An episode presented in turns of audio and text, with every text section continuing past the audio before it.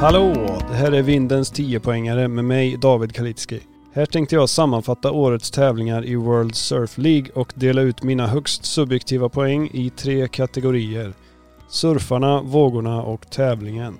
Surfcirkusen hade korsat den australiensiska kontinenten och bytt beachbreaksen i Victoria mot vinfälten i West Australia. En lätt resa på 3500 km och en försmak på tyngden i den Indiska oceanen.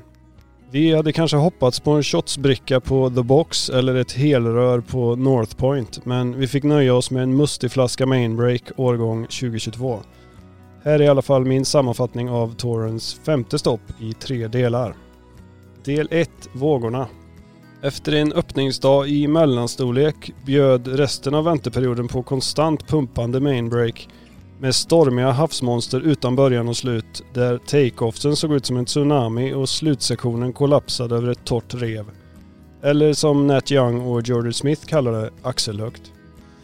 Vågorna såg lite mer ut som vågor för finaldagen så allt som allt blir betyget en 7 av 10. Del 2, Surfarna.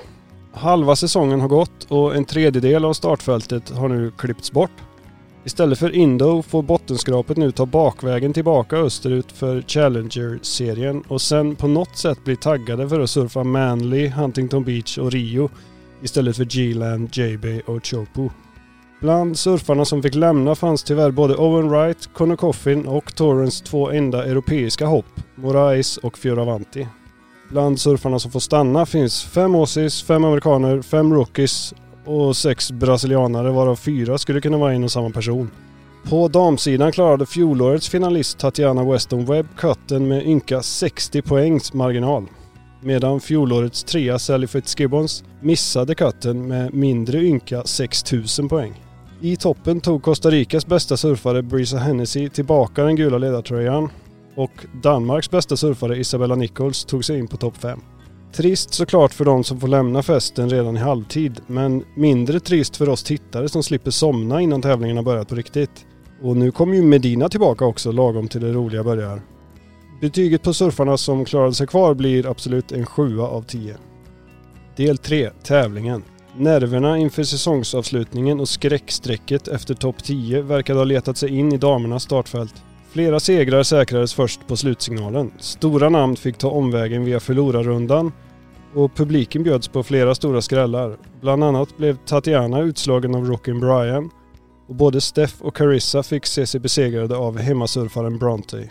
Gabriella Bryan tog sig sedan hela vägen till finalen men blev bortblåst av ett knippe dansk dynamit. Isabella Nichols tog karriärens första CT-seger och säkrade sin plats på andra halvan av touren. I herrtävlingen märktes dock inte mycket av någon extra spänning. Efter tre dagars transportsträcka och 29 sömniga hits hände plötsligt något. När Jadson Andre eventuellt tog död på Kelly Slaters topp 5-hopp och höll sin egen säsong vid liv med lite konstgjord andning så började tävlingen kännas intressant. Efter det slog Nat Young ut ettan Toledo. Jordy hittade nia i slutsekunderna och McGillivray besegrade Ferreira. Men trots att många av utmanarna lyckades överträffa sig själva så syntes finalen komma på lång väg. Jack Robinson hittade tävlingens typ enda tub, Johnny-Johnny hittade den andra. Florence fick sen Jordi att se ut som en trött gammal gubbe och Ethan Ewings lasersvängar såg nästan töntiga ut bredvid Jack Attack. I finalen gjorde Johnny faktiskt bara en enda layback, en minskning på hela 450%. Men han hade ändå ledningen över hemmahoppet Robinson till en början. Robinson fick dock ny energi av en helikoptersnurr och stödet från hemmapubliken och gick hela vägen. En riktigt seg start men en riktigt stark avslutning. Tävlingen som helhet får 6 av 10. Avslutningsvis ett frågetecken. Undrar du också vad kommentatorerna menar med alla sina överdrifter och kraftuttryck? Här kommer en liten snabb guide till snömoset. Surfing with a lot of passion betyder dålig förlorare. Totally unleashed the board betyder långsamt ändra färdriktning. Looking for something big down the line betyder bortslösad våg helt utan svängar. Och finishes with a bang betyder en mjuk sväng i skummet på insidan.